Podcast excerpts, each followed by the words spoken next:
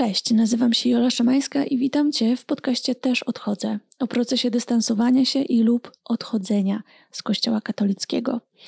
Moją gościnią dziś jest kolejna specjalistka, Małgorzata Iwanek, seksuolożka, psycholożka, certyfikowana edukatorka seksualna, psychoterapeutka w trakcie certyfikacji oraz autorka profilu na Instagramie Kultura Seksualna, który zresztą bardzo, bardzo Wam polecam. Porozmawiamy o seksie, porozmawiamy o seksualności, o tym jak katolicka narracja o dziewictwie, tak zwanej czystości przedmałżeńskiej oraz małżeńskiej, jak się okazuje, czy masturbacji wpływa na dorastającego i młodego człowieka.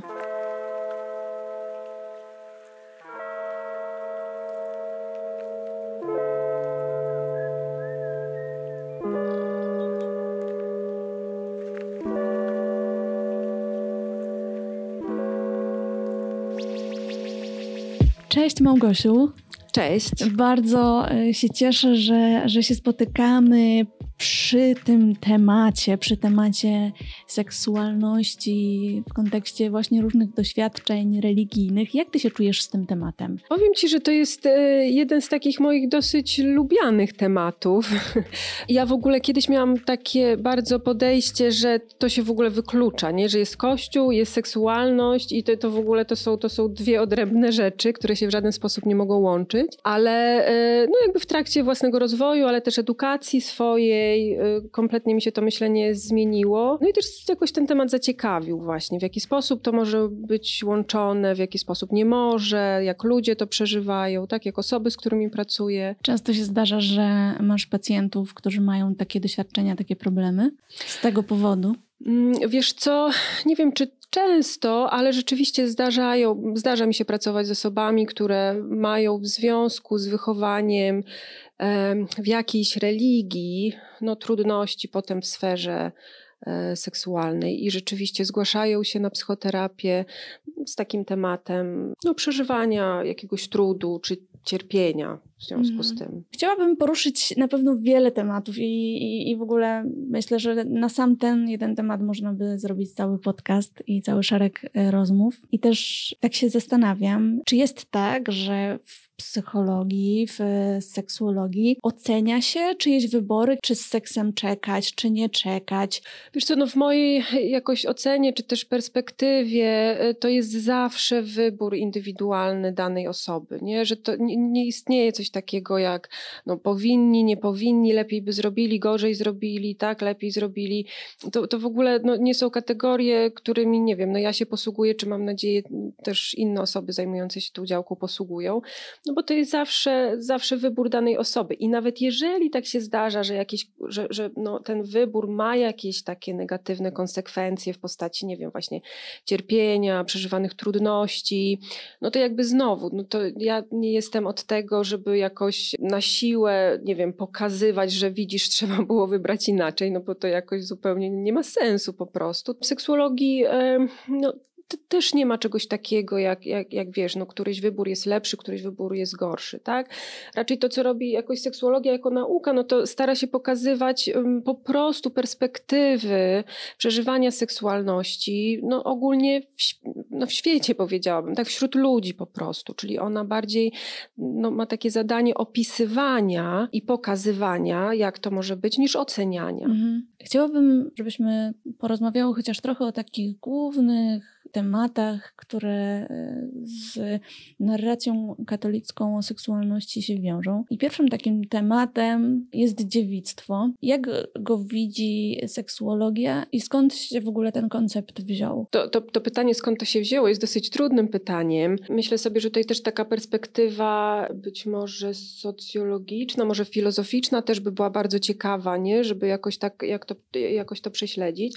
Natomiast myślę sobie, że tak czy czy siak to jest jakoś związane z religijnością i że to jakoś z religijności, mm, nie, nie wiem, czy używam dobrego słowa, no ale, ale no nazwę to religijnością, że to, że to jakoś z tego obszaru się wywodzi, ale niekoniecznie ma swój początek, nie wiem, w religii katolickiej, tak? Bo myślę sobie, że przecież dużo wcześniej były te koncepty, że tam dziewica składana w ofierze, czy jakiś młody chłopiec, który zakładam, no też był przed inicjacją seksualną, nie? Że, że to jakby było dużo wcześniej. I, no i myślę sobie, że to jakiś ma taki związek swój z takim wyobrażeniem człowieka o tym, o, o czystości, o jakiejś takiej idealności.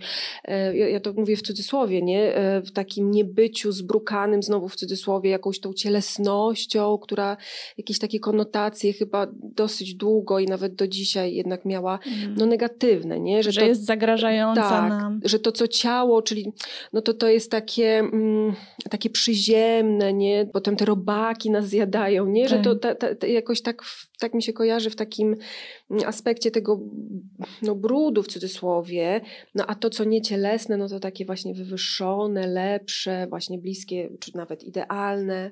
Więc myślę sobie, że to jakiś taki związek z tym ma. No i to jest ciekawe, bo na przykład, no nie wiem, sam e, jakby hymen, czyli ta tak zwana błona dziewicza, to jakby to, że kobiety e, mają hymen, no to jakby do dzisiaj właściwie my nie wiemy, dlaczego tak jest. Bardzo długo uważano, że tylko człowiek e, posiada właśnie tę tak zwaną błonę dziewiczą, no co nie jest prawdą, bo mhm. okazuje się, że inni przedstawiciele ssaków, te, czy przedstawicielki ssaków te, te, też ją mają. No i jedna z koncepcji mówi o tym, że właśnie no to, to, to jakby było po to, żeby samiec mógł wiedzieć, czyje jest dziecko, tak, że jakby no w, te, w ten sposób mógł mieć pewność, że to pierwsze dziecko to, mhm. to jest jego dziecko. No co wydaje się, że taką trochę, taką trochę naiwną teorią, biorąc pod uwagę, że kiedyś no, tych dzieci rodziło się naprawdę, tak, z jednej pary rodziło się bardzo dużo. Nie, niektórzy uważają, że być może to ma związek z tym, że no, skoro kiedyś żyliśmy w wodach, no to jakby dzięki temu, tak, to jakoś e, byliśmy zabezpieczeni przed chorobami, krótko mówiąc. Okay. Choć zdaje się, że to też jakoś ma swoich zwolenników i przeciwników, tak? Czyli jakby w ogóle ten temat no, nie jest jakoś y, rozstrzygnięty. Mm. Są też osoby, które twierdzą, że ta zwana błona dziewicza, że to jest w ogóle pozostałość tego, żeby w życiu, że w życiu płodowym, jak rozwijają się organy płciowe, tak? No to to jest po prostu tak, taka pozostałość, taka mm. jakby zbyteczna w ogóle, tak? Że taki przypadek, czyli coś, co nie ma żadnego znaczenia. A mimo to wciąż jesteśmy bliżej tego takiego myślenia o tym, że to jest taki szczególny, wyjątkowy tak. sposób y, powiedzenia, że kobieta nie miała partnera seksualnego, w to myślę oczywiście mężczyzny, czyli że no jakoś nie, nie, nie doświadczyła penetracji. Ale przecież e, ta błona dziewicza może być e, uszkodzona, czy może, znik- może w ogóle jej nie być. Tak, w ogóle bardzo często jest tak, że ona się najzwyczajniej w świecie przeciera, nie? że jakby do, zanim, e, zanim kobieta rzeczywiście rozpocznie takie współżycie na zasadzie penetracji, no to może już mieć w ogóle pozostałości tej błony dziewiczej. Ona się może wycierać podczas aktywności fizycznych, można się w ogóle urodzić z taką zupełnie raz, że delikatną, taką, e, ale też no, niedużą, nie, niedużym tym chmenem, tak? Więc jakby to tak, zgadza się. No a mimo to wciąż jakby w takim powszechnym przekonaniu jest to, że to, że, że to jest jakby właśnie coś super widocznego, coś super takiego ważnego i, i coś, co po tym pierwszym stosunku z penetracją jakby przestaje istnieć, nie? Zdarza się, że kobiety w ogóle rodzą dzieci, a pomimo tego jeszcze ta błona dziewicza jakoś mhm. pozostaje zostaje nie? I, i jest właściwie zauważalna na przykład. Zastanawiające też dla mnie, ale co ciekawe, od pewnego czasu się stało to, że o dziewictwie się mówi e, w religii katolickiej bardzo dużo, a nigdy w życiu, i też podpytywałam znajomych, także mówili, że nigdy nie słyszeli, żeby jakikolwiek ksiądz powiedział o byciu prawiczkiem, czyli o określeniu mężczyzny, czyli tych określeń względem mężczyzny. I zaczęłam szukać I znalazłam wypowiedzi księży, którzy mówią, że Kościół nie używa określenia prawiczek, bo dziewictwo e, dotyczy także mężczyzn i kobiet. Ale jednak w domyśle każdy myśli, e, każdy myśli o kobiecie. To wydaje mi się bardzo charakterystyczne dla tej narracji, że na, każde, na każdą wypowiedź na temat y, czystości tak zwanej przedmałżeńskiej, dziewictwa, seksu, już tego po ślubie, przed ślubem i tak dalej, ta narracja jest tak jakby zakręcona, że na wszystko znajduje się jakiś argument. I jeżeli chodzi na przykład o dziewictwo, no to ksiądz na to wszystko odpowie, że no przecież nie chodzi tutaj tylko i wyłącznie o biologię, no jak ktoś się urodził bez błony dziewiczej, chodzi o y, bliskość z mężczyzną. I znowu, no nie, nie o penetrację, przecież seks to jest dużo więcej. I tak naprawdę człowiek zaczyna szukać informacji, bo te informacje nie są spójne, nie są wystarczające, zaczyna szukać, szukać, szukać. Każdy ksiądz jest bardzo chętny do od, udzielania odpowiedzi na ten temat i właściwie obudzi się ten człowiek albo się nie obudzi po latach i z, ja mam takie wrażenie, że, że byłam mamiona jakim, jakąś taką marchewką odpowiedzi na moje pytania. Do czego może prowadzić takie pogłębianie się właśnie tej niepewności, tego lęku, bo tak sobie myślę, że ileś lat poszukiwań, lat szukania tej odpowiedzi na pytanie, dopytywania, wątpliwości powoduje, że my żyjemy w coraz większym jakimś poczuciu chaosu i że ja właściwie już nic nie wiem, bo ten ksiądz mówi tak, tamten mówi tak na temat mojego życia seksualnego i właściwie słyszę to od małego dziecka. Jakby jaki to może mieć wpływ na nas i jak sobie, y, jak w ogóle sobie z tym pomóc, że jak można z tego wyjść? No to jest, to jest takie trudne pytanie. To jest bardzo trudne pytanie, biorąc pod uwagę, że no, często w tych domach takich um, religijnych, w sensie w takich, w których ta, ta, ta religia, kościół, wiara są nawet nie to, że właśnie to może tak rozróżnię, że nie duchowość, ale właśnie no, no kościół, czyli, czyli tak jakby zasady wyznawane przez kościół. Dziecko styka się z nimi no, od pierwszych właściwie dni życia, można powiedzieć, tak? No i w momencie, kiedy ty jakby, czyli budujesz swoją tożsamość w oparciu o to, co słyszysz od rodziców, no od księdza, jeżeli jest tak, i ksiądz jest jakoś blisko domu, czy właśnie w kościele, no to jakby budujesz swoją tożsamość. Nie, nie, nie nie opinię, nie, nie światopogląd, swoją tożsamość w oparciu o to, co słyszysz. Czyli to jest trochę tak, jak na przykład, no nie wiem, nadużywający, przemocowy rodzic mówi do dziecka, jesteś głupie, tak? E, no i to dziecko potem wchodzi w dorosłość z przekonaniem, jestem głupia, jestem głupi, głupi. I to nie jest tak, że ktoś, trzy osoby mu powiedzą, nie, nie jesteś głupia, mm. tak? Albo 500 osób mu to powie. To, to jakby, to jest praca na lata potem, żeby ten kawałek swojej tożsamości w ogóle no, jakoś zauważyć, że jest, ale się z nim nie zgodzić. Nie? No i tak samo sobie wyobrażam, to funkcjonuje w kontekście religii, czyli jeżeli jesteś od maleńkości właśnie jakby no, wtłaczana w pewien sposób yy, w takie czy inne przekonania na temat seksu, tak? Czyli, że no jakoś, nie wiem, że to jakoś coś, coś e, wstydliwego, że ciało jest czymś wstydliwym albo takim e, czymś, co trzeba zakrywać, że, że właśnie, że to, to, to pojęcie tego grzechu, no to potem wyrastasz, no i, i, to jest częścią twojej tożsamości i dokładnie w ten sam sposób nie da się tego jakoś zrzucić na zasadzie, że przeczytam jedną, drugą książkę, zastosuję sobie afirmacje i po prostu to jakby przyjmę. Bardzo często jest, ja, ja się też stykam z czymś takim, że okej, okay, że to jest tak, że jakby z głowy i rozumowo, no osoby to wiedzą, tak, no one wiedzą, że pojęcie grzechu, okej, okay, no to ja nie chcę tego przyjmować, to jest wszystko w, w głowie, to wszystko jest jakby, wiesz, ułożone i, i widzialne, nie?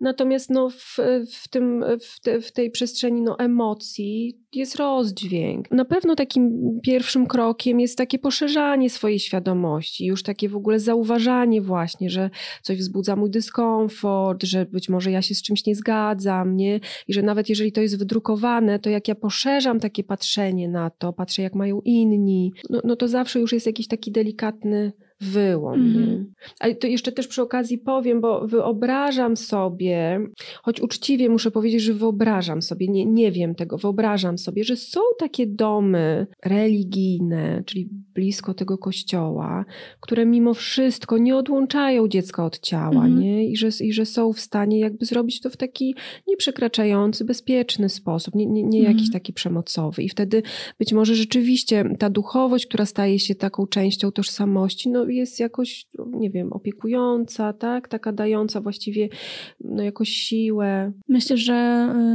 można opowiadać, rozmawiać, czy o nie wiem, wstrzemięźliwości y, seksualnej, czy o y, nawet dziewictwie, czy o masturbacji, o tym, że jest grzechem, jakby w taki sposób, żeby nie zmiażdżyć tej relacji z ciałem tego dorastającego człowieka, ale żeby jakby w takim szacunku do tego ciała, w takiej jakiejś relacji z tym ciałem. No właśnie, to chyba też taką uważnością, że ten mhm. rodzic jest wtedy właśnie uważny. Chociaż no, to też pewnie wymaga dużej świadomości siebie, dużej świadomości potrzeb dziecka, jak, jak przebiega ten rozwój, tak, żeby...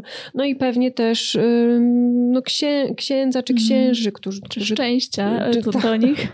tak, tak, tak, którzy też są w stanie jakoś tak naprawdę z taką uwagą, delikatnością, ale też taką łagodnością, nie wiem, jakimś ciepłem, no, no jakoś opiekować się tą rodziną, nie? że nie, nie, nie, nie odrywać jej tak na siłę od tego ciała, tylko właśnie no, przy, przy, przybliżać wręcz. Kiedy mówisz, że jest to możliwe, to myślę sobie, że tym bardziej jest przykre to, że tak wiele osób ma tak y, duże doświadczenia przemocy, czy to w konfesjonale, czy nawet jeżeli w domu E, tych doświadczeń nie było, to spotkały je w kościele, no, będąc tak naprawdę wrażliwym, prawdziwym, autentycznym e, w tym konfesjonale. Przeczytam e, Ci historię jednej osoby. Kiedyś na spowiedzi ksiądz porównał moje serce do brudnego chlewa. Bo raz, jako nastolatka, poszłam do komunii z nieczystym sercem, mając na sumieniu grzech masturbacji.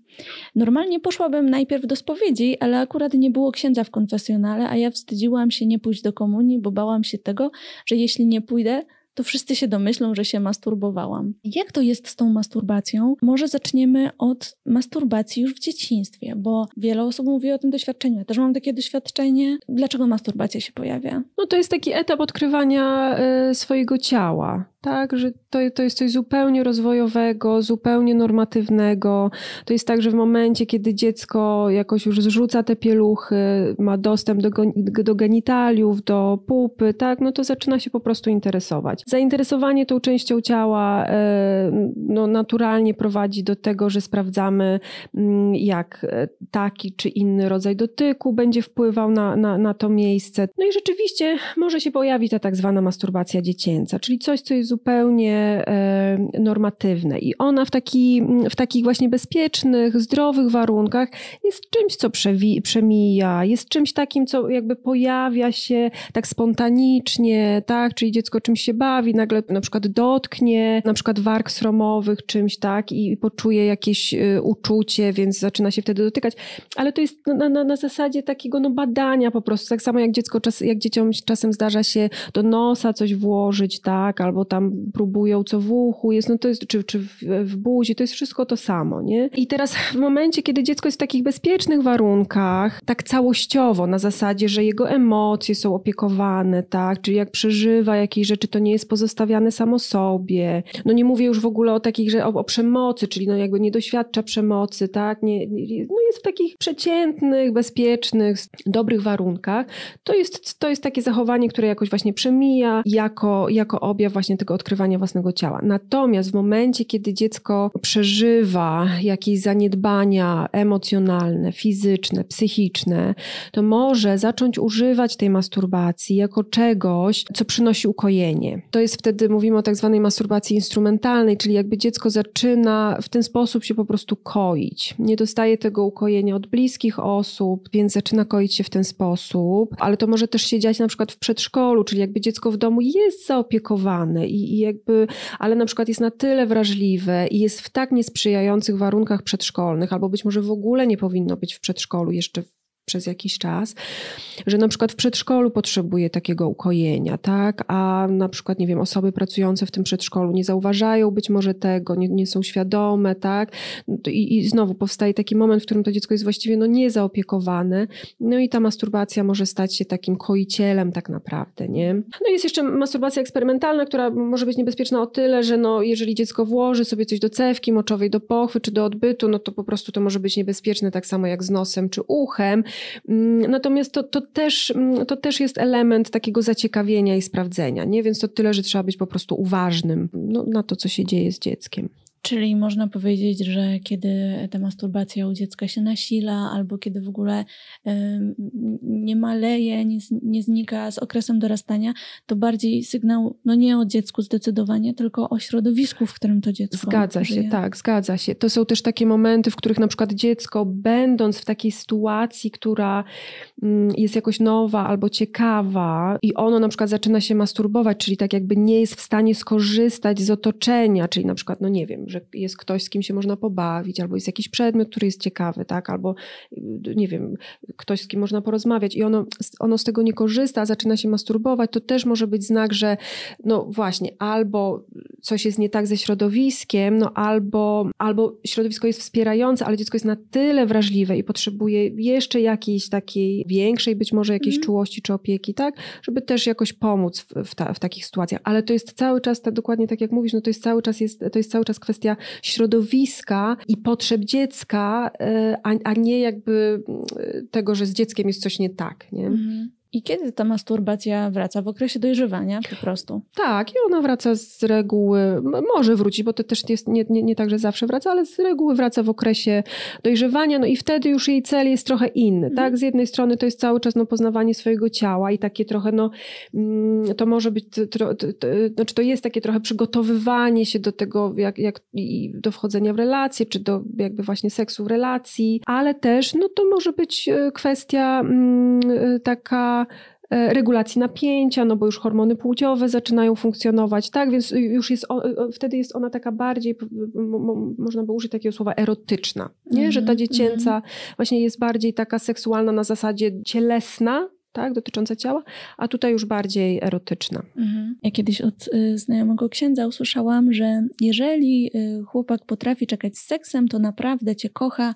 to prawdziwa miłość. I tak sobie myślę o y, różnych swoich związkach, o związkach znajomych, o których słyszałam, o których pisali mi w ilościach jakichś niesamowitych obserwatorzy. Jak to wygląda właśnie z perspektywy Twojej, y, czyli takie związki nastoletnie w czasie, kiedy jesteśmy niesamowicie seksualnie pobudzeni?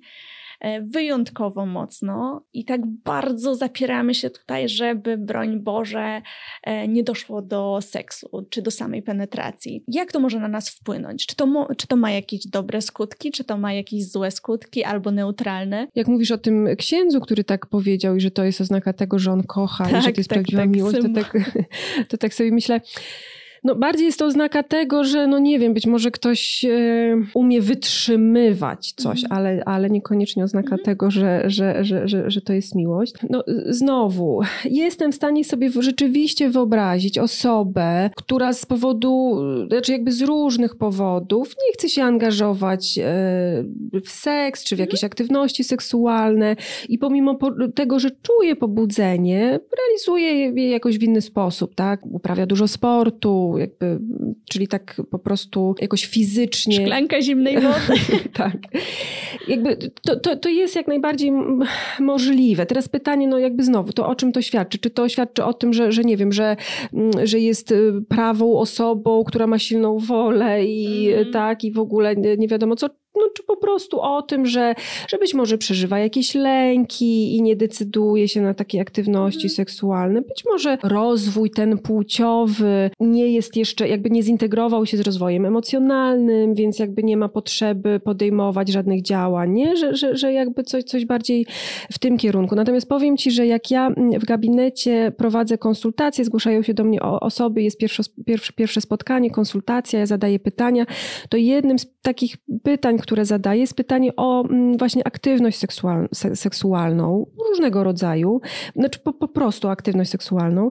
I w momencie, kiedy osoba 25-letnia, 30-letnia mówi mi, że, że nie podejmowała takich aktywności, a nie zgłasza przy tym, że jest aseksualna, to, to mhm, jeszcze być mhm. może y, tak y, do, dopowiem, to dla mnie jest to znak, że być może w tej sferze seksualnej coś się dzieje tak? Czyli, że jakby odwrotnie, że, no, że dla mnie to, to, to nie jest oznaka, że okej, okay, czyli y, wszystko jakby okej, okay, tak? Tylko jednak bardziej w tę stronę, że, że być może tu jest jakaś taka trudność i to może być mnóstwo różnych rzeczy pod tą trudnością, ale że, że, że co, co, coś tam jest być może na rzeczy. Ja nie chcę mówić, że coś jest nie tak mhm. albo że coś jest nie okej, okay, bo to, to nie o to chodzi, że powinna była, a tego nie robi. To absolutnie nie, tylko że być może coś, jeżeli bierzemy pod uwagę no, taki, taki książkowy rozwój tak, osoby przez życie, że być może tam jest jakaś trudność, którą należy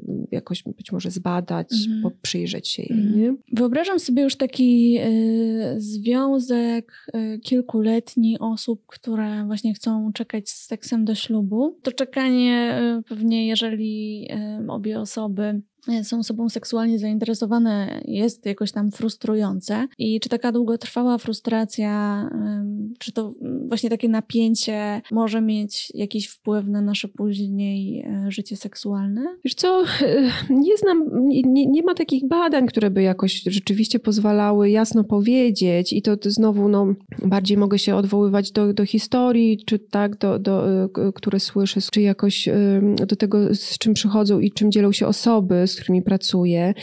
No ale nawet biorąc pod uwagę, że ta chemia zakochania e, nie trwa wiecznie i to jest skończony czas, który tam powiedzmy, e, no powiedzmy trwa rok, półtorej roku, załóżmy, no to jakby biorąc pod uwagę, że nie korzystamy z tej chemii, tak, tylko jakby w pewien sposób przeczekujemy ją, no to mogę sobie wyobrazić, no, że, jednak, mm, że jednak coś tracimy, tak, że jednak tracimy moment, w którym jakoś możemy się być może najwięcej o sobie nauczyć w sferze seksualnej, tak, e, jakoś poznać, że wiedzeni tym takim, ta, tą taką no, no, no, hormonalną podnietą, znaczy taką podnietą wynikającą z tego, z buzujących hormonów, tak, z tego takiego właśnie zakochania, kiedy jesteśmy w, w stanie więcej jakoś wybawić, y, bardziej nam być może zależy, tak? No, że, że to jest takie, to, to pozwala tak bardzo się zbliżyć do siebie, jakoś y, wybaczać sobie, uczyć się nowych rzeczy. No i w momencie, kiedy po kilku latach tej chemii już nie ma, a na pewno nie ma już jej tak intensywnej, no to być może to zbliżenie seksualne jest jakoś trudniejsze nie? Że, tak, że, że jest jakoś tak, albo może być jakoś obarczony taką to większą właśnie trudnością. Ten podcast nie mógłby powstać bez wsparcia moich matronek i patronów w serwisie Patronite, dlatego każdy odcinek jest dla nich dostępny z tygodniowym wyprzedzeniem. Jeżeli tylko chcesz wesprzeć moją pracę i poznać innych ludzi, którym na niej zależy, możesz do nich dołączyć na patronite.pl/jola Szymanska. Zapraszam. Ale też sobie myślę o tym, że tak jak mówisz, przeczekując ten czas, z myślą właśnie o małżeństwie, które, tak myśląc w ogóle o świecie e, po katolicku, jest taką ostateczną decyzją, z której nie ma już powrotu. I właściwie dostaje się taka trochę gra w ruletkę, tylko co gorsza gra, której nie jesteśmy świadomi, bo dostajemy komunikat pewnych siebie księży, że będzie najpiękniej właśnie wtedy, kiedy poczekasz. Kiedy zostawisz to, kiedy nie będziecie próbować tego, to wtedy będzie najpiękniej, kiedy już będziecie, no ja to tu widzę jaką taką, taką pułapkę na myszę trochę, nie? Ja przyznam, miałam akurat szczęście, u mnie wszystko w tej sferze fajnie się potoczyło, ale mm, przeczytałam i rozmawiałam z tak wieloma kobietami, które czują się tak oszukane, tak zdradzone, tak wykorzystane przez te narracje, przez te obietnice, która okazała się nieprawdziwa. Myślę sobie, że w takiej sytuacji, kiedy jesteś, czujesz się tak oszukana, bo okazuje się, że nie jesteście w stanie współżyć bez ogromnego bólu, albo w ogóle nie jesteście w stanie współżyć, albo w ogóle różne mogą być to sytuacje. Może raz, że sprawić, że już w ogóle rezygnujesz z tego, że nie jest ważna ta przyjemność, że to w ogóle nie jest zabawa, tylko właśnie jakiś tam obowiązek małżeński. A, a jeżeli gdzieś tam uda ci się wyjść i jednak zdecydujesz, że wychodzisz z tego związku, to wiąże się to z ostracyzmem, No jest coś takiego, wiesz, ty też tak do, do, jednym słowem to, znaczy takim krótkim zdaniem to określiłaś, powiedziałaś, ja miałam to szczęście, nie? Tak, tak. No i tak sobie pomyślałam, kurczę, no to jednak okropne, tak bardzo, znaczy jakby czekać na łód szczęścia, tak. nie? zamiast jakoś... Yy, no... Ale o, oczekiwać, że to będzie oczywistość, Ta, ale tak. potem rozumiesz, że kurczę, ja, ja miałam po prostu szczęście. No właśnie, nie? I w związku z tym zupełnie się nie dziwię, że te kobiety czuły się oszukane, no bo no, to jest po prostu rzeczywiście kłamstwo. To ja, ja, ja zawsze sobie myślę, że to jest takie magiczne myślenie, że, że seks to jest w ogóle czymś takim magicznym, takim w ogóle i okej, okay, można go przeżywać jako coś magicznego, nie? No bo to z, z racji um, hormonów, które się wytwarzają, no jakby to zbliża. Absolutnie to jest, to jest coś, co zbliża ludzi do siebie, tak? Y, y, odsłania, więc to jest coś takiego w jakimś sensie specjalnego, ale, ale, ale jednocześnie to też wymaga komunikacji, tak? Ten seks wymaga komunikacji, wymaga pracy, y, no, wymaga wiedzy nie? Że jakby to, to nie jest sama ta magia. Więc jakby pozostawianie wszystkiego na taką jedną kartę, że po ślubie to zobaczysz i to jest właśnie ta magia, no to to jest, to jest zabieranie y, tej drugiej części, czyli właśnie tej wiedzy, sposobów komunikacji. I teraz, jeśli osoba wchodzi w małżeństwo z takim przekonaniem, że okej, okay, to, to się po prostu teraz zadzieje, bo ja czekałam, a dodatkowo przez całe swoje dotychczasowe życie nie dostała wiedzy i ona mm. nie wie, a jeszcze żyła w takim przekonaniu, że masturbacja to jest grzech, więc jeszcze dodatkowo nie poznała swojego ciała, no to wiesz, to, to ja nawet teraz, jak, jak słuchałam ciebie i teraz jak o tym mówię, to czuję ogromną złość, nie? I taki sprzeciw, że to jest po prostu okrutne. A potem zostawia się to osoby sa, sa, samym sobie, tak? No bo ja rozumiem, że jest ślub, ma się zadziać magia tak. i, i jakby koniec tematu.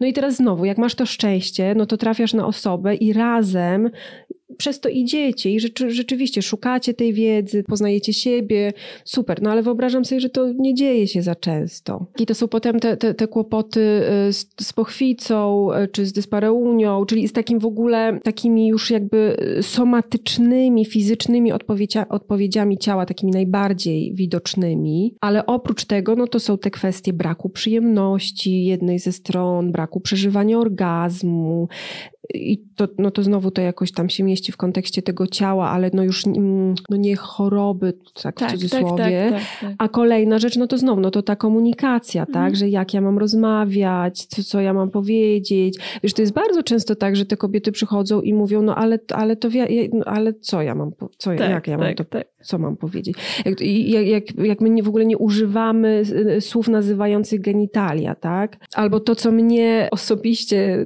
złości, tak? To jak słyszę, kiedy właśnie kobiety mówią, że one nie są w stanie przyjmować seksu oralnego od mężczyzny, tak? I w sensie, co mnie złości, nie, zło, nie złości mnie to, że, że, że one mi to mówią, tylko złości mnie to, że, że właśnie, że nie, że nie są w stanie, że ktoś ukształtował je w tak olbrzymim obrzydzeniu do siebie, że jedyne, o czym są w stanie myśleć, no to to, że nie wiem, że są brudne, niewystarczająco jakieś, że źle wyglądają. Ja naprawdę, ja jak słucham tych rzeczy, czy jak mówię o tych rzeczach, to słowa, które mi chodzą po głowie, gdzieś tam to jest, wiesz, to jest przemoc, patologia, tak, że po prostu ktoś skrzywdził te osoby. Nie chcą nawet przyjmować tej przyjemności. Tak. Wow. I teraz oczywiście, że można nie mieć ochoty na seks oralny na zasadzie, to może nie dawać przyjemności, ale jakby w takim sensie świadomości siebie, że no tak jak, nie wiem, no ktoś może, no ja lubię penetrację, nie mhm. lubię seksu oralnego, ale nie dlatego, że się go boję, brzydzę, czy coś sobie ktoś pomyśli, tylko no po prostu wolę penetrację. Nie? I, i, I, to jest zupełnie, widzisz tę różnicę, nie? Że tak. to jest różnica takiej, takiej świadomości. Czyli ja nie mówię o czymś takim, no ja mówię kiedy to o takiej sytuacji, kiedy to wynika z lęku, nie? Właśnie z tej tożsamości ukształtowanej, no właśnie w środowisku nadużycia tak naprawdę, no bo to jest naprawdę takie, takie odzieranie z własnego ciała i jest nadużywające. Kościół też naucza, szczególnie w takich właśnie bardziej może otwartych y, środowiskach, ale mówią, że oczywiście seks y, ma być przyjemnością, ale jest jedna zasada, że mężczyzna y, ma jakby zakończyć w kobiecie. Nie wiem, jak to powiedzieć. Widzisz, nawet mi też brakuje. Ja w ogóle się bałam strasznie tej rozmowy pod tym względem, że mi też e, wciąż na różnych, e, w różnych momentach brakuje Ale wiesz co, jest, jest coś takiego w atmosferze tej rozmowy, mi się wydaje, że ja, ja, ja sama też łapię się na tym, że za, zanim wypowiem jakieś słowo, to tak sobie myślę, czy na pewno mogę je powiedzieć.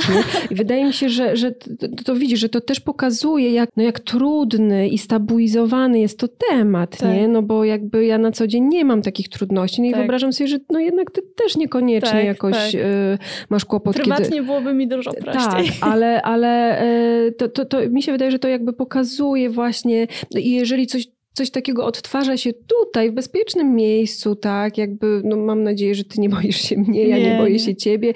Jakby to jest bezpieczne miejsce, a mimo tego to jest tak silne, że, że coś takiego może się pojawić, mm. nie? Mhm. No tak. I właśnie jest y, to jedno zdanie, żeby, że mężczyzna powinien y, zakończyć stosunek w kobiecie, czyli rozumiem, wytrysk ma się odbyć w ciele kobiety. I teoretycznie tak sobie wyobrażam, gdybym nigdy nie miała doświadczenia, nigdy z nikim nie uprawiała seksu, to bym sobie pomyślała, no logiczne, ogólnie co to za duży problem, ojejku, wymyślają. Ale kiedy się już to doświadczenie ma, to się wie, że seks jest doświadczeniem niezwykle dynamicznym. I nie chciałabym, żeby mój seks był tylko i wyłącznie na przykład dla bezpieczeństwa samą penetracją, samym jakimś takim jedynym utartym schematem, prostym, szybkim, konkretnym. On może być czymś dużo, dużo więcej, a jakby ten lęk, że nie wiem, że może e, wytrysk nastąpi niekoniecznie we mnie, albo także lęk, który też e, wiele osób mi e, pisało i też wiem o tym, że w wielu kobietach ten lęk, że na przykład one doświadczą y, orgazmu nie w czasie tej penetracji, tylko na przykład w czasie dotyku przez męża albo w czasie y, seksu oralnego. I jakby ten seks się już wtedy robi, w głowie masz naprawdę po prostu 500 lęków. Czy na pewno wszystko było dobrze? Czy na pewno nie popełniłam grzechu? I ta jedna prosta, wydaje się logiczna zasada, co za problem. Y, w, w tak dynamicznej sytuacji staje, no, no, jakby strasznym doświadczeniem, wyobrażam się, może ten seks y, się stawać. I frustruje mnie ogromnie właśnie taka lekkość mówienia o tej tak zwanej prostej zasadzie, ale też tak sobie myślę, no, y, czy to także nie, nie może prowadzić do jakichś e, właśnie zaburzeń seksualności, do jakichś poważniejszych problemów, no bo e, chyba to, to jest jakieś jedno wielkie zaprzeczenie tego, czym fajnie, żeby e, taka bliskość dwóch osób była. To czy wiesz co, samo takie jedno zdanie, czy jakoś założenie na temat aktu seksualnego pewnie niekoniecznie mhm. może jakoś budzić czy powodować jakieś zaburzenia, ale w kontekście jakby całości tych przekazów, y, to, to, to, to pewnie tak, pewnie coś takiego mm, może się wydarzyć. Tutaj myślę na przykład o, y, nie wiem, być może wytrysku przedwczesnym, tak? No ale to już takie bardziej y, dywagacje mhm. niż, czy takie zgadywanie niż, niż taki fakt, czyli jakby w, w samej sferze takiej seksualnej niekoniecznie, no ale znowu, ale w tej sferze takiego takiego bycia ze sobą, mhm. czerpania przyjemności, uczenia się siebie nawzajem, tak? No to w tej sferze jak najbardziej to może budzić jakieś, y, no znowu nie zaburzenia, ale no właśnie trudności, mhm. tak? No bo jeżeli jesteśmy nastawieni... Lęk, nerwowość. Tak, tak. Jeżeli jesteśmy nastawieni na to, że, że, że to się ma odbyć w taki sposób, że musi być penetracja i musi być ten wytrysk w pochwie, no to tak jak ty mówisz, że, że sama już taka myśl, że to tak musi wyglądać, już może jakoś mhm. budzić, y, no właśnie, jakieś lęki czy zdenerwowanie, no czy w ogóle stres i, i trudność w przeżywaniu tej przyjemności, nie? Mhm. I dokładnie tak jak ty mówisz, no, no już to, to jest w ogóle ogromne spłycanie tego seksu. O, w ogóle ja się zastanawiam, czy to jest jakoś, bo, bo ja nie, nie, mam takich danych, czy, ale czy to jest jakoś wiadome, w którym momencie to się zadało, że w ogóle sprowadzono seks do penetracji. Mhm. Znaczy, no zgaduję, że to jest kwestia tam rozmnażania dzieci i tak dalej, ale, ale, ale, ale mimo wszystko, nie? Że to, to mi się, jak, jak teraz o tym mówię w ogóle, to mi się to wydaje tak kuriozalne. Ale wiesz, co jest najgorsze? Że kiedy się mówi, ja mam, to jest oczywiście moje takie wrażenie i moja obserwacja, e, kiedy mówi się w kościele o seksie osobie przed małżeństwem, czyli która ma żyć w czystości przedmałżeńskiej tak zwanej, to się mówi o tym, że seks to nie jest tylko penetracja, ale kiedy już jest po ślubie, to wtedy w sumie, jak tak starasz się dowiedzieć czegoś, to w sumie wychodzi na to, że głównie to jest penetracja.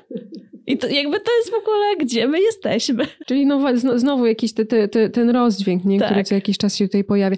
W ogóle to też jest tak strasznie krzywdzące mm, dla kobiet, tak? No bo ja rozumiem, że za tym nie idzie komunikat o tym, że większość kobiet nie doświadcza orgazmu podczas penetracji, tak?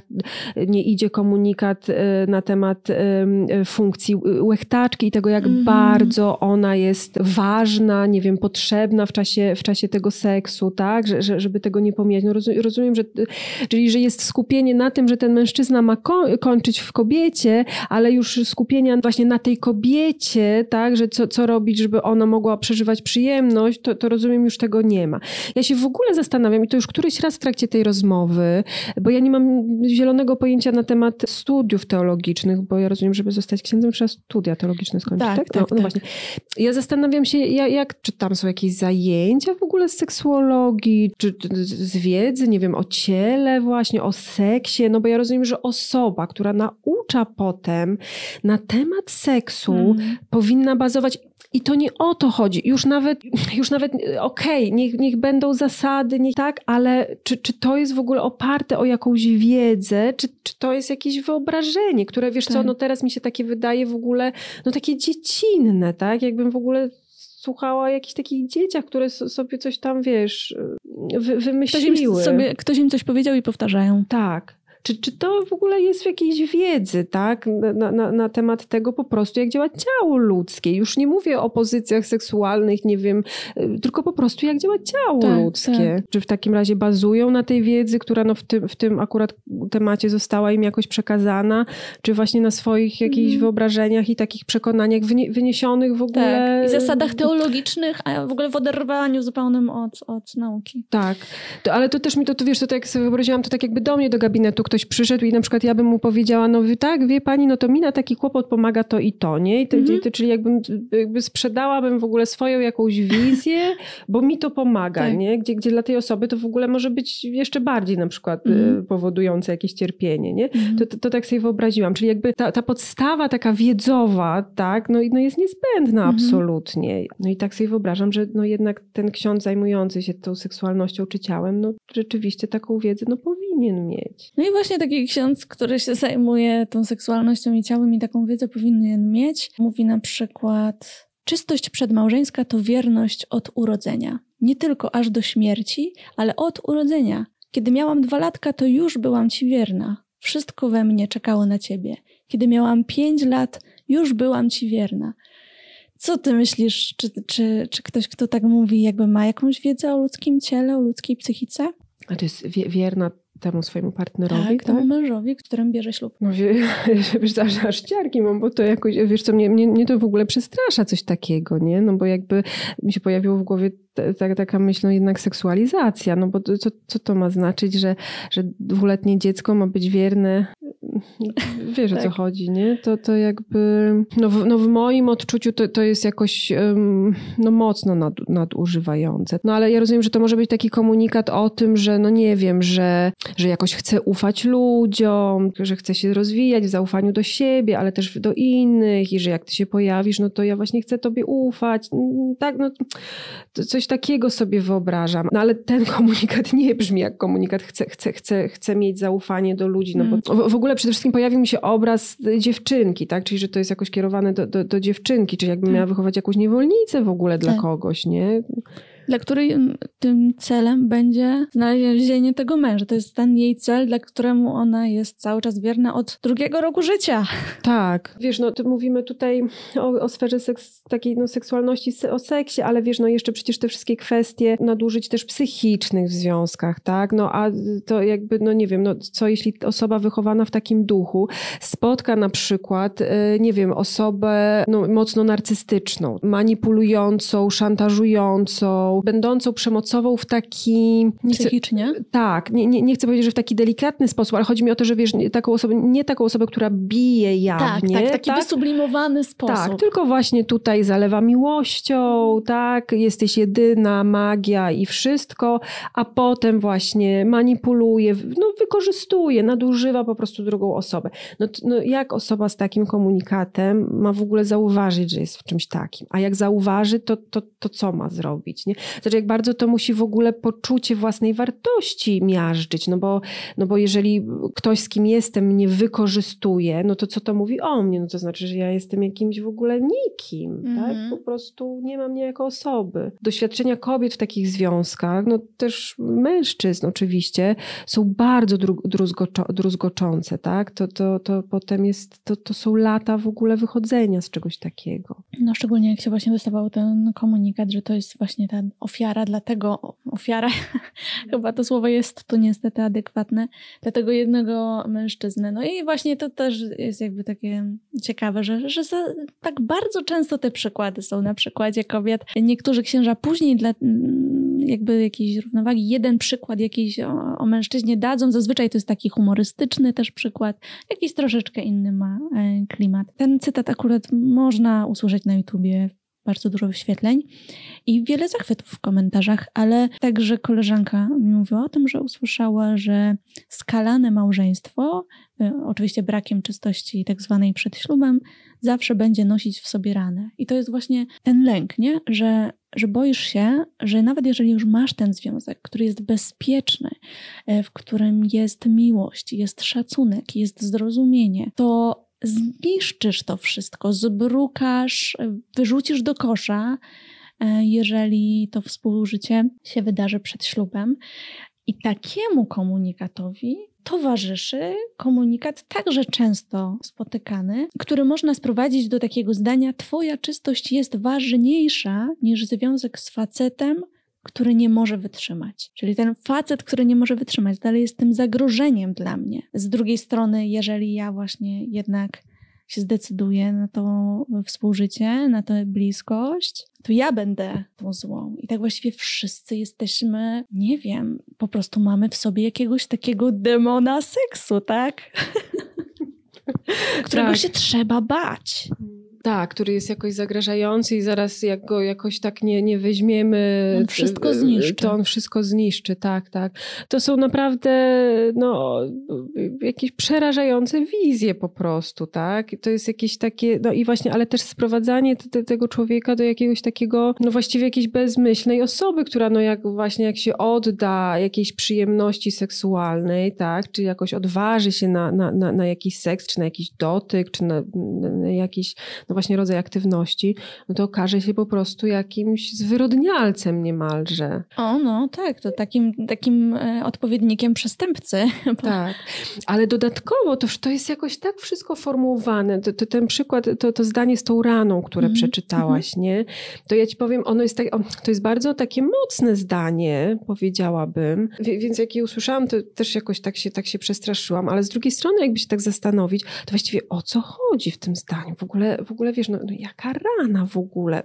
Jakby... To tak działa na wyobraźnię. Do końca tak. nie wiadomo o co chodzi, ale jakby taka, no nie wiem, no. Tak. Chociaż jak, jak zaczniesz, jak, no to właśnie na, na jakiej zasadzie to miałoby się zadziać? Rana ran, no jakby rana czego, co, wiesz, tak, tak koniec tak, końców tak. to właściwie nie wiadomo o czym jest. Tak, tak. I, I, jedyne co możesz, no to przestraszyć się i, i, i wycofać. Czego może nauczyć dziecko spowiedź z masturbacji w takim właśnie wieku komunijnym? 9 lat wtedy pierwsza zazwyczaj spowiedź się wydarza. No i jeżeli dziecko jest świadome, czy jest no, uświadomione, czy na lekcji religii, czy przez rodziców, że to jest masturbacja, że to, co się mu zdarza, i że to jest grzech, że należy to powiedzieć księdzu. Ja pamiętam, że jako taka mała dziewczynka to mówiłam, że dotykałam się w intymne miejsca, albo coś takiego. Tak, takie to było takie mm, władne słowa, trochę opisowo. Wiązało się to z jakimś strasznym, jakimś wstydem, stresem, takim obrzydzeniem sobą. Też uczyłam się z tych opowieści o tym, że powinnam czuć jakieś obrzydzenie, że wiele osób właśnie mówiło te świadectwa o tym, że po masturbacji czują po prostu takie obrzydzenie, potem idą sobą, idą do spowiedzi i to je uwalnia. I jakby ja też czułam, że powinnam się tak czuć. Uczyłam się tego, że tak chyba powinno się o tym rozmawiać, tak, tak się powinno o tym mówić. Ale, e, ale sobie myślę, że takie doświadczenie, że od dziecka mówisz jakiemuś obcemu mężczyźnie, którego nie znasz, w takich właśnie okolicznościach kościoła, konfesjonału, e, na takie tematy, no chyba nie pozostaje też zupełnie bez wpływu na to później, jak myślimy e, o relacjach z ludźmi, jak myślimy o, o tym, co powinniśmy, co możemy, kim jesteśmy. Jak ty to widzisz? Mhm. No ja sobie tak myślę, że to jest przede wszystkim takie wzbudzanie poczucia winy właśnie, tak? Bo jeżeli weźmiemy pod uwagę to, że taka masturbacja która się pojawia, no to ona jakoś wynika y, z potrzeb organizmu, tak? Y, no mówię o takiej, o takiej rozwojowej, z potrzeb organizmu, czyli to jest trochę tak, jak twoje ciało jakieś jest, ma jakieś funkcje, ty możesz sprawdzać te funkcje, jesteś człowiekiem, tak? No i teraz w momencie, kiedy ja się muszę z tego wyspowiadać, a za jakiś czas być może to się znowu wydarzy, a jeśli się nie wydarzy, no to ja będę znaczy jak o tym nie pomyślę, to okej, okay, ale no, najczęściej jednak te, te, myśli o masturbacji wracają, no to teraz jakby wiesz, no to zamykasz się w takim kole w ogóle kim ja jestem, no skoro to jest grzech i tego się nie powinno robić, no to kim ja jestem, skoro mam te myśli, tak? No to przecież znowu, no jakimś po prostu chorym człowiekiem, tak? No i to jest takie bardzo, no znowu w moim odczuciu jakoś e, znowu takie przemocowe, tak? I takie oddzielające od ciała, ale to jest jeszcze takie drugie doświadczenie, tak jak ty o tym mówisz, że to jest jakoś w kościele, tak? Są inni ludzie, no tutaj konfesjonał, no ale to Może ktoś coś usłyszy. Być może coś usłyszy, ale jakby mm, ta sytuacja jest też taką sytuacją, no bo ja rozumiem, że taka masturbacja jest czymś y, intymnym, to dotyczy ciebie, tak? Właśnie twojego swojego ciała, narządów płciowych. No i teraz w momencie, kiedy to jest jakoś grzech i ja o tym mówię y, tak, w, ta, w, w takich okolicznościach, no to y, y, jak to się musi przekładać w ogóle potem też na myślenie o tej swojej intymności, czyli jak ja się kim, z kimś będę dzielić tą swoją intymnością prywatnie, ze swoim partnerem, partnerką, no to trochę tak jakbym jednak, wiesz, no po prostu na bazarze komuś o tym mówiła, tak? To, to, to się może przekładać na takie doświadczenie. Ja w ogóle taki, taką mam trudność z, z tym, bo ja z jednej strony mam jakoś tak zrozumienie, że można mieć takie przekonanie, chociaż właśnie zastanawiam się, czy to jakoś mi się nie zmieniło, bo ja miałam kiedyś takie przekonanie, że, e, że jeżeli rodzina uważa, że tej masturbacji powinno nie być, to że to jest jakoś okej okay powiedzieć dziecku w taki bezpieczny sposób, bo nie, nie mówię o takiej sytuacji, tak, w której, nie wiem, tam mówi, że to grzech i w ogóle, tylko w taki bezpieczny sposób tak powiedzieć, że no tak, to jest naturalne, to jest taka potrzeba, to jest zupełnie normalne, że to odczuwasz, ale my, nie wiem, no taką mamy zasadę, że staramy się jednak tego nie robić, mm. nie? I ja, ja, ja, tak sobie, tak, tak sobie, tak sobie myślałam, że, że to jest jakoś okej, okay, że, że, że właściwie jako rodzina, właściwie być może można taki przekaz y, dać dziecku, nie? Chociaż teraz, jak, jak z tobą rozmawiam i o tym myślę, to już nie mam takiej pewności, wiesz? Mm. Już, już nie mam takiej pewności, czy to jest rzeczywiście, no bo to, to, jest, to jest takie moje, tak, no to, to, ja, to jest moje ciało, ja dotykam tego ciała, coś przeżywam w związku z tym ciałem, no i teraz ktoś mi mówi, że nasza zasada rodzinna jest taka, żeby tego nie robić. To już... A to jest takie bardzo moje, a nie, nie rodzinne, Tak, nie? tak, to już nie mam takiej pewności, że, że, że, że to jest okay, komunikat. E, już tak przechodząc jeszcze do jednego tematu, który wydaje mi się tu bardzo ciekawy, chociaż a, tych tematów jest masa, ale wyjdę jeszcze od tej masturbacji i przejdziemy dalej, e, bo ja pamiętam, bardzo mi dało taki bardzo dla mnie obrazowym przykładem, który pamiętam do dziś, e, było świadectwo też w internecie, to wysłuchałam takiego popularnego w katolickich kręgach muzyka, który mówił o masturbacji w małżeństwie, że właśnie zdarzała mu się masturbacja w małżeństwie bez wiedzy żony i że e, on to właśnie przed nią ukrywał i że to było dla niego po prostu prostsze niż seks z żoną, więc to było właśnie takie złe, bo on szedł na łatwiznę, ale przestał to robić, to właśnie mówił o tym jako o takim kolejnym swoim nawróceniu, bo masturbując się ranił i siebie, i ją, i właśnie te ich relacje, i wszystko niszczył i tak dalej czy masturbację, kiedy mamy y, partnera, swojego męża, w jakikolwiek sposób może szkodzić związkowi, czy wręcz przeciwnie? E, wiesz co, ten przykład, e, znaczy w ogóle to, to, mówienie o tym, że ta masturbacja w związku mogłaby być zła i jakoś tam okradająca ten związek i tak dalej, i tak dalej, to znowu mi się wydaje, że to jest takie um, um, łączenie dwóch wątków, których nie powinno się, się łączyć. No bo z jednej strony jest coś takiego, że para ma prawo, yy, znaczy w sensie osoba w parze, w związku, w relacji, no, ma prawo do tej swojej cielesności. Yy, no i rzeczywiście być może to jest temat, który war, warto obgadać. Jeżeli ta masturbacja się wydarza, to jest to zupełnie okej. Okay. No są takie momenty w życiu, kiedy tego seksu jest mniej w parze, w związku, rzeczywiście jakoś, to jest z jednej strony. Z drugiej strony, no przecież można mieć ochotę na masturbację, tak, drugiej osoby akurat nie ma. No to, to są takie jakby oczywistości. Natomiast jest druga taka jakby strona tego medalu. To jest moment, znaczy to jest taka sytuacja, w której masturbacja jest używana, czy osoba korzysta z niej w sposób właśnie instrumentalny. Czyli to jest to tak zwane, nie ma takiej jednostki chorobowej, ale tak zwane y, uzależnienie. I rzeczywiście jest coś takiego. E, temu może najczęściej towarzyszy pornografia. I to jest taka sytuacja, w której osoba reguluje swoje emocje poprzez właśnie masturbację, tak? Czyli w, w żaden sposób nie jest w stanie zbliżyć się do tej swojej drugiej osoby, nie wiem, dzielić się trudnościami, przeżywać emocje w tym związku, tak? Czyli nie, nie ma w ogóle łączności ze swoją złością na partnera, partnerkę, tak? Lękiem, nie, no nie, nie jest w stanie w ogóle tutaj świadomie żyć. No i wtedy rzeczywiście ta masturbacja, czy, czy, czy używki, czy cokolwiek, mm, może mieć taką funkcję, w cudzysłowie właśnie e, uzależniającą, czyli jakby regulującą emocje i rzeczywiście wpływającą negatywnie na, na relacje. Mm. Nie? To, to jakby jest możliwe. Ale to jest bardzo ważne rozróżnić to, że to nie jest kwestia masturbacji. To, to, to mhm. jakby to nie jest kwestia tego, że to masturbacja to robi. To jest kwestia tego, że osoba ma jakiś kłopot z budowaniem relacji i regulowaniem emocji. Wiesz o co mhm. chodzi, tak? tak? Jakby w miejsce tej, tej masturbacji mógł być alkohol, cokolwiek, ale to, to jakby nie jest kwestia tej używki czy tego tak, zachowania, tak, tylko to tak. jest kwestia trudności przeżywanych przez tą osobę, z którymi to radzi sobie poprzez jakieś zachowanie czy używkę, nie? I to też jest taki temat, który kiedy słyszę, że jest podejmowany w taki sposób, no to mam poczucie, że jest podejmowany bez takiego oparcia o wiedzę, mhm. tak? Że ja widzę jakiś objaw, no bo wtedy ta masturbacja jest jakimś objawem, nie badam, co jest wokół tego, tylko zajmuję się tym objawem i tym, że trzeba się go pozbyć. Tak. No i ja jestem być może w stanie się go pozbyć, jak nie wiem, zacznę tam biegać, czy modlić się, czy cokolwiek. I wtedy można pomyśleć, ok, czyli to się da, czyli, czyli można. Problem czyli rozwiązany. Problem rozwiązany, ale ten problem nie jest rozwiązany, bo naprawdę ja bardzo dużą taką pewnością, bo też pracuję w obszarze takich tak zwanych uzależnień w dziedzinie seksualności, e, mogę powiedzieć, że ten problem nie jest rozwiązany i ta para nie zbliżyła się w ten sposób do siebie, mhm. tak? Czyli mhm. objawu nie ma, ale, ale para wcale nie, nie, nie, nie zbliżyła się w ten sposób do siebie. Być może okej, okay, być może przez chwilę, być może w momencie, kiedy ta osoba podjęła decyzję, okej, okay, nie masturbuję się, tylko tam chodzę na rower, to w takim swoim poczuciu, że chcę dobrze, że chcę być blisko, chcę się zbliżyć, przez jakiś okres tak, przez jakiś okres takie zbliżenie może nastąpić.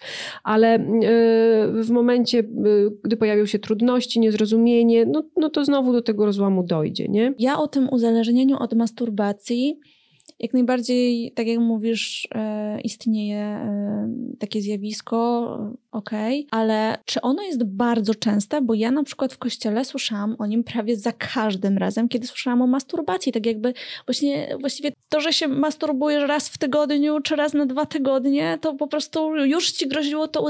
I to jest dalej. Dalej się kurde boisz, nie? Da kolejne zagrożenie, nie? Bo już ci gro grozi to uzależnienie. A no nie wiem, intuicja mi podpowiada, że to jednak nie jest 90% osób masturbujących się. Tak, zgadza się. To jest w ogóle, to znowu jest takie nadużycie życie, że takie zrównywanie w ogóle terminów, tak? Że, że właśnie, że skoro masturbacja, to właściwie jak, to, to równa się alkohol, nie? Ale to jest też brak wiedzy na temat w ogóle te, tych tak zwanych uzależnień, czy te, te, tego problemu z uzależnieniami, bo to jest takie stare myślenie, że jeżeli ja zacznę mm, jakieś zachowanie, w tym przypadku masturbację, to ponieważ ona jakoś tam na mnie wpływa, to, to, to ja się uzależnię. Nie? To jest mhm. taki tok myślowy. To jest nieprawda, żeby się uzależnić. Ja tak używam tego słowa uzależnić, chociaż podkreślam, no nie ma takiej jednostki chorobowej jak uzależnienie od masturbacji, ale społecznie ono funkcjonuje i to jest taki skrót myślowy, który jakoś tam dużo załatwia. To jest takie stare myślenie, że jeśli ja rozpocznę jakieś zachowanie, nie wiem, zażyję narkotyk, właśnie będę się masturbować, obejrzę pornografię, napiję się alkoholu, to, to ja się już od razu uzależnię, że jakby to trzeba w ogóle wyeliminować i jak to będzie wyeliminowane, to, to nie dojdzie do mhm. uzależnienia.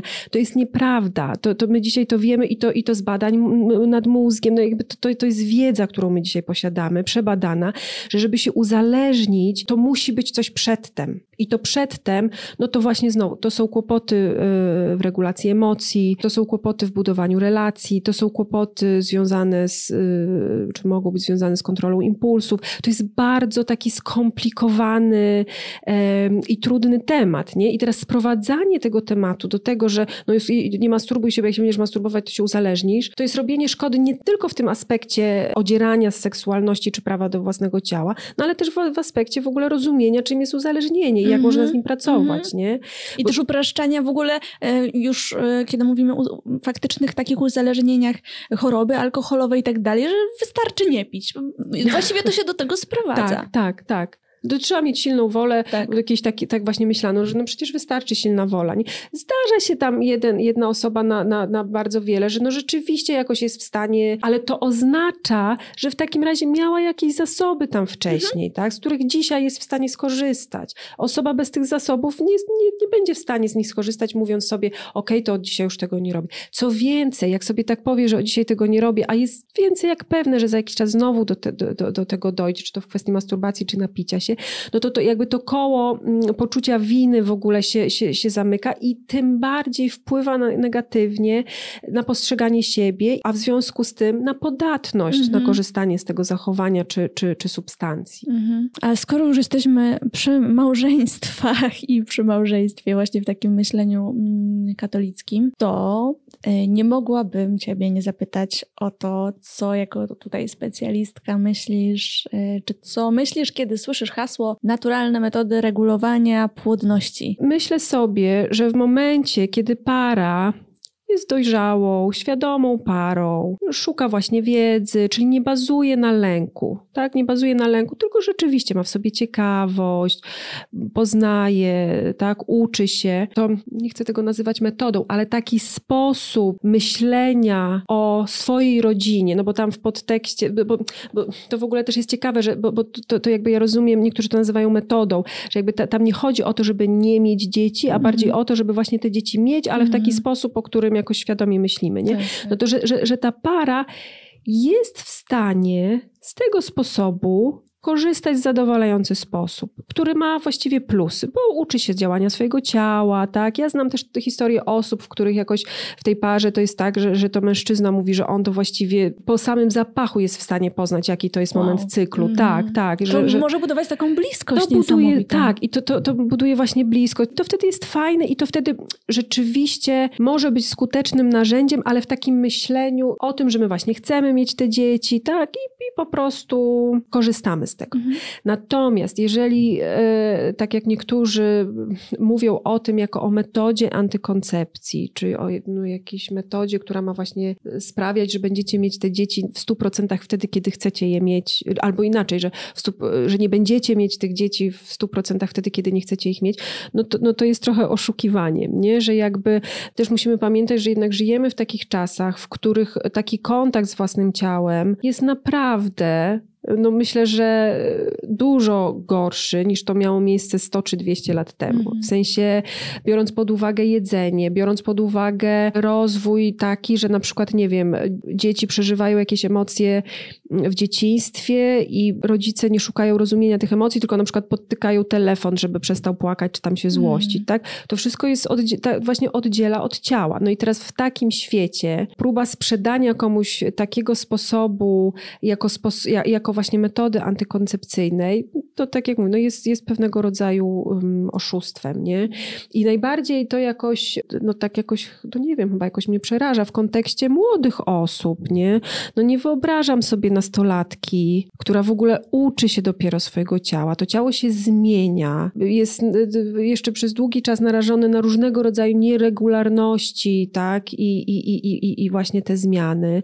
No jakby pozostawianie jej tak ogromnej odpowiedzialności za właśnie znajomość swojego ciała, tak, jak ono funkcjonuje. No to, to jest, wiesz, to tak jakby no wiesz, to tak jakby wrzucać kogoś na tratwie na ocean i mówić, masz tratwę i płyń i tam jest gdzieś brzeg, nie? To ja ci powiem, że właśnie tak miałam, że kiedy byłam nastolatką, to było mi mówione, że bym zaczęła już teraz uczyć się tego wszystkiego, e, bo później, kiedy już wejdę za mąż, no to będzie mi ciężko tak od razu to wszystko zrozumieć, więc żebym już teraz na, na spokojnie to sobie wszystko ogarniała. Mnie to zupełnie nie interesowało. No i dziś jak to wspominam, to dobrze, dobrze że to olałam, ale też, yy, też ta złość jakoś tak wraca trochę, bo kurde. Też jak sobie myślę o tym, E, jak to jest e, złożona metoda, jak to jest trudna metoda i jak ona zakłada to, że, że, ta, że ten seks, że, że ta e, bliskość, bo przecież nie tylko w czasie penetracji można zajść w ciążę, wydarza się, czy jest możliwa, czy w ogóle jest jakikolwiek ktoś w ogóle tutaj mm, daje taką jakąkolwiek szansę, że może się w ogóle pojawić, wyłącznie już w takim związku no małżeńskim niemal, prawda? Gdzie to jest no mm. jakby nie wiem czy realne i to jest wow. Tak, ale też wiesz jeszcze, co mi przyszło do głowy? Jeszcze przyszło mi do głowy coś takiego, że jakby tak, mamy sobie współczesny świat, korzystamy z różnych dobrodziejstw, tak? No nie wiem, jak boli mnie głowa, okej, okay, to jakby yy, mamy tabletkę przeciwbólową i okej, okay, ktoś może sobie wybrać, że nie wiem, poleży po macie, inny tam w ciszy sobie po, tam jeszcze w zależności oczywiście od bólu głowy, ale ktoś tam sobie winny w ciszy poleży, ktoś sobie ziół, ziółka być może jakieś wypije. Jakby, yy, wiesz, no okej, okay, ale ogólnie rzecz, ale tak, ale ogólnie mamy y, środki, możemy z nich korzystać. I, i, i to jest spoko, tak? Jakby i, i to jest fajne. A, w, a tutaj mówimy, no, no tak, są różne środki, ale nie, nie, nie. Ty musisz w 100% znać swoje ciało, wiedzieć, jak ten cykl przebiega, sprawdzać tam te, te te wszystkie parametry, czy, czy, to, czyli tak jakby, czyli nie możesz skorzystać tak metaforycznie z tej tabletki przeciwbólowej, nie możesz skorzystać, wiesz, z, nie wiem, środków przeciwbólowych podczas porodu. Tutaj w tym aspekcie masz być, wiesz, masz być po prostu 100% natura, nie? Tak. I okej, okay, jeśli ktoś tak sobie wybiera, tak jak powiedziałam na początku, no bo, no bo nie wiem, ciekawi go to. Nawet z ekologicznych pobudek na, na także przykład, niektóre tak, osoby korzystają. Tak, albo też zdrowotnych, no bo mhm. to, to, tam różne, różne, no to jakby super, mówmy o tym i ten, tylko że być może mówmy o tym jako o Alternatywie, jednej z możliwości. Tak, ale i w, i w kontekście takiego właśnie, nie wiem, no właśnie poznawania siebie, a nie w kontekście, że to jest jakaś metoda na coś, nie? Mm-hmm. Ja myślę sobie, że, bo ty wspomniałaś o, tych na, na, na, o tym, jak byłaś nastolatką, ja myślę sobie, że to, że to mogłoby być fajne właśnie zachęcać na, nastolatki um, do, do, że to mogłoby mieć w ogóle też taki pozytywny wpływ na rozwój, żeby się przyglądać na przykład, nie wiem, wydzielinie menstruacyjnej, tak? Y, w, w ogóle różnym wydzielinom w czasie cyklu, że jakby w kontekście po prostu wiedzy o sobie, a nie w kontekście, że to ma być metoda na, na ten seks, czy tam na coś w przyszłości. Plus też nie każdy, e, nawet w takim wydaniu może, musi być tym zainteresowany. Dokładnie. musi być to tak. dla niego jakoś inspirujące. Ja czytałam trochę, bo miałam właśnie to jakieś szkolenie szkolenia przed ślubem. To się nazywa poradnia rodzinna, bo miałam ślub e, kościelny i jakiś tam sobie czytałam. Nawet przez jakiś tam krótki czas e, próbowałam to sobie e, zapisywać i w ogóle niby się to takie wydaje na początku całkiem takie przystępne, no ale kiedy nie ma się idealnie regularnego cyklu, ma się mega duży stres, podróżuje się, wstaje się o różnych porach i w ogóle po urodzeniu dziecka jest ten czas, kiedy no nie jest to już takie proste bo wtedy chyba kobieta też nie miesiączkuje jeszcze przez jakiś czas. I właściwie w takich sytuacjach, kiedy mówi się o tym, że no wtedy jednak są problemy, to dostaję takie e, informacje, czy dostawałam od właśnie osób zajmujących się NPR-em, ale to oczywiście się da rozwiązać, wystarczy coś tam, coś tam, coś tam, coś tam. I tak naprawdę to coś tam to było naprawdę już doktoryzowanie się. To tak, to może się zapisać na kursy, na szkolenia weekendowe, tygodniowe. I teraz tak, to jest tak skomplikowana, wielka wiedza, od której, kurde, zależy tak dużo. Bo teraz to, to nie tak. chodzi o to, że ja się chcę w fizyce kwantowej tutaj doktoryzować, bo mnie to niezbyt interesuje, ale warto wiedzieć, tylko że tu to, jest sprawa życia i śmierci, nie? Niemal. No tak.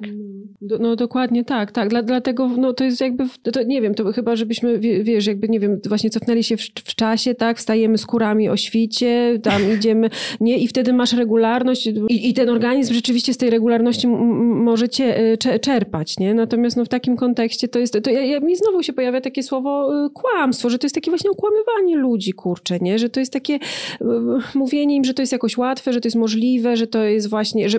W zasięgu ręki, o, właśnie, się postarać. Tak, w zasięgu ręki, tak. No, no nie, no to jest, to, to jest, to jest y, to, co ty mówisz, no to jest niemal doktoryzowanie się, tak? Zdobywanie i poświęcanie właśnie swojego czasu naprawdę na, na, na wdrażanie się w skomplikowany temat. I też jest przy tej okazji e, to hasło, nie wiem czy słyszałaś, tak zwanej czystości małżeńskiej, czyli tego czasu y, dni płodnych, kiedy, e, jeżeli nie chcecie mieć dzieci, no to po prostu nie, nie uprawiajcie wtedy seksu, nie kochajcie się. No okej, okay, wtedy ma kobieta zwiększone libido, no ale no trudno, no to już powiedział, że będzie łatwo w życiu, prawda?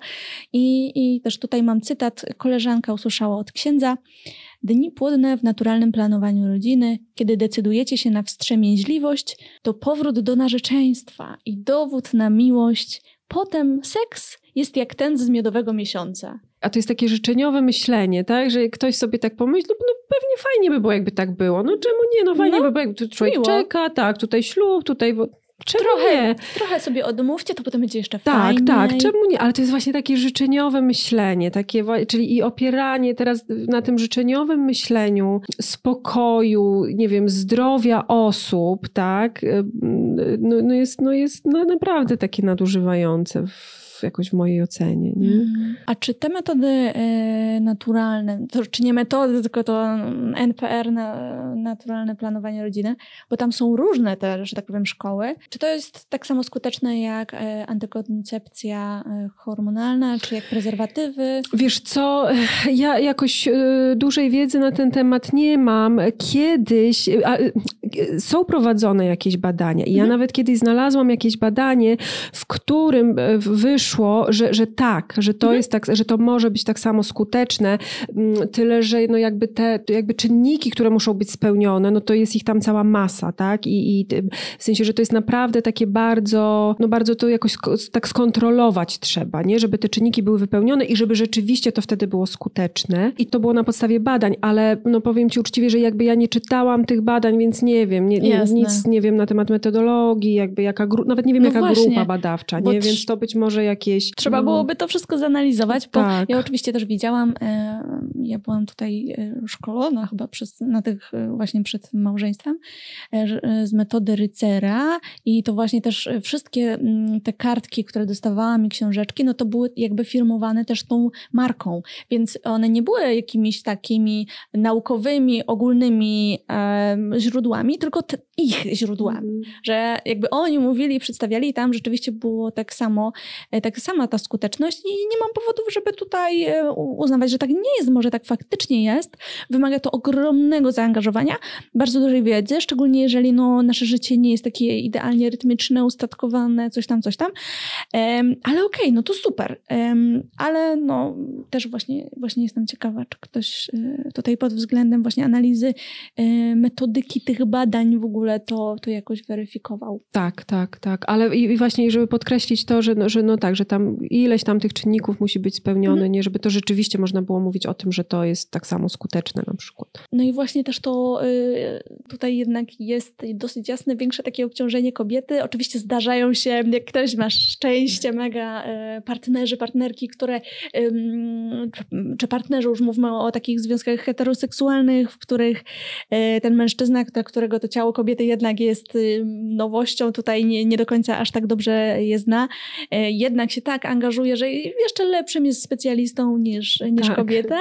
E, no ale to jest właśnie szczęście, a co do zasady, pewnie te, większość tego ciężaru będzie, będzie na kobiecie. Zastanawiam się, czy gdzieś już w jakiejś innej rozmowie nie mówiłam o tej historii, ale najwyżej ją powtórzę, no bo jest ona dla mnie po prostu jakoś tak bardzo zapadła mi w pamięć. E, tworząc mój reportaż na temat seksualności do Tygodnika Powszechnego możecie sobie znaleźć Odczarowanie, on się nazywał. Jedna, jedna z bohaterek opowiadała mi, to się nie znalazło już w reportażu, taką historię, że właśnie mieli problem z tym naturalnym planowaniem e, rodziny. Bardzo starała się się go używać, ale niesamowicie wysoką płodność mieli jako para. I zaszli w ciążę już niemal czy dosłownie po pierwszym stosunku po ślubie, kiedy urodziła dziecko, cały czas już przed małżeństwem zaczęła się szkolić z tych metod, z tego naturalnego planowania rodziny, więc to nie jest tak, że ona to olewała. Bardzo tutaj była zaangażowana, bardzo jej zależało. Zaraz po urodzeniu dziecka, przez całą ciążę, w ogóle od początku małżeństwa już uczyła się jeszcze więcej, jeszcze więcej i po urodzeniu dziecka, no jakiś niedługi, niedługi czas po kilku tygodniach znowu zaszła w ciążę. No to trochę się tak zestresowałam. Mówię, kurczę, no mam dopiero 23 lata, okej, okay, no spoko, no dobra, no dwójka dzieci, no fajnie, nie? Damy radę jakoś. Jeszcze nie mamy do końca super y, ustabilizowanej sytuacji zawodowej, ale nie, no damy radę. Bierzemy odpowiedź, odpowiedzialność, bo tak często się w kościele mówi, że to właśnie odpowiedzialność. No i y, urodziła drugie dziecko. Cały czas się z tego szkoliła. I po kilku tygodniach znowu zaszła w ciążę. I w tej trzeciej ciąży, no już ta frustracja postępowała i zaczęła e, jakby szukać, rozmawiać, już naprawdę szukać w wielu miejscach, uczyć się, wszystko starać się mieć pod kontrolą. I opowiadała mi właśnie już w takim momencie, że już była mocno sfrustrowana tym i taka przestraszona i po prostu bardzo się bała. Oczywiście, do, oczywiście dostawała ciągle radę o tym, no to nie współżyjcie po prostu przez e, kilka miesięcy, czy tam rok, czy dwa lata. I to też e, mówi, opowiadała mi, że wiele kobiet jej przedstawiało jako takie no, norma, ale to chyba str strasznie, po angielsku się mówi horny, czyli mm. strasznie ci się z tego seksu chce. Co ty, jakaś dziwna jesteś, że ty taka jakaś strasznie na seks zorientowana. No więc jakby, no ale to olewała, ale opowiadała mi o rozmowie z księdzem, e, któremu właśnie, z którym rozmawiała o prezerwatywach, że może w tym czasie e, po urodzeniu dziecka, no mogliby zastosować te prezerwatywy i czułaby się po, po prostu nawet w tej ciąży spokojniejsza, bo ona już fizycznie nie daje rady z trójką dzieci. Oni nie dają. No i ksiądz mówi, że no nie bardzo, nie bardzo, nie, nie, nie, nie. E, no to trzeba się po prostu postarać, to te e, naturalne, e, czy to planowanie rodziny, na pewno coś tam się jeszcze da zrobić i takimi ogólnikami do niej mówił. I ona mówi, ale jak mam się bardziej postarać? I w pewnym momencie powiedziała temu księdzu, to może ksiądz będzie do nas przychodził e, codziennie o 6 rano, to będzie dla nas pomoc, której w tym momencie potrzebuje, e, bo ksiądz się zajmie jednym dzieckiem, mąż, się zajmie drugim dzieckiem, a ja będę mieć 5 sekund na to, żeby zbadać tę temperaturę, żeby zanotować to, bo ja wstaję rano, dzieci wskakują po prostu i to nie jest tak, że one spokojnie sobie otwierają drzwi, tylko po prostu rzucają się, a te um, temperaturę i zdaje się, no nie wiem, różne tam parametry, trzeba zbadać zanim się wstanie z łóżka. I to zawsze o tej samej godzinie. No jak no, ksiądz do takiej już pomocy tutaj nie był, skoro nie był zainteresowany. No jakby takie to proste się mu wydawało, a właśnie w takiej dynamicznej, rodzinnej, e, porannej sytuacji, no to jeszcze sobie wyobrażam tak codziennie, bo to nie jest kwestia, że raz w tygodniu, żeby zmierzyć, tylko codziennie. Tak, i jeszcze wiesz, no jakby, no właśnie, że, że a, co, a co z tymi dziećmi, tak? No i jakby tak, przecież wychowanie tak. człowieka to nie jest tak, że on się rodzi i jakby i sobie i, i po prostu wszyscy są tak. już szczęśliwi, bo on się urodził. Tak. No przecież to jest ciężka praca i to, ale to nawet nie w takim kontekście, że chociaż to też, że to jest jakoś fizyczna praca dla ciebie, tak, jakiś wysiłek emocjonalny czy coś, ale to, to chodzi o po prostu o zaspokajanie potrzeb tego dziecka, mhm. emocjonalnych, no to, że da się mu jeść i tam, nie wiem, pójdzie się z nim na spacer, to naprawdę jest nie wszystko, tak? No potem jeszcze musisz towarzyszyć temu dziecku. Naprawdę, no rozwój emocjonalny człowieka to nie jest y, takie sobie hop mm. to jest ciężka twoja praca i, i, i, i, i towarzyszenie temu dziecku. I to też się jakoś tak pomija, nie? Że, że jakby, że się o tym w ogóle nie mówi. No tak. mówi się o tym, że dziecko musi być nakarmione, tak? Grzeczne. Że, grzeczne, tak? I, i, I koniec tematu. W ogóle też tak sobie pomyślałam, że no wiesz, no kiedyś rzeczywiście, no tak, nie wiem, te dzieci się rodziły tam 10, 10, 10 15 tak? I tam, nie wiem, tu jedno umarło, drugie nie umarło. Ale jakby ja też rozumiem, że no jakby e, w rozwoju cywilizacyjnym zyskaliśmy, okej, okay, no nie tylko wygodę na zasadzie, że pralkę i lodówkę, ale też taką wiedzę, jak towarzyszyć człowiekowi w rozwoju, nie? I, i że to jest ważna wiedza i z tej wiedzy warto korzystać.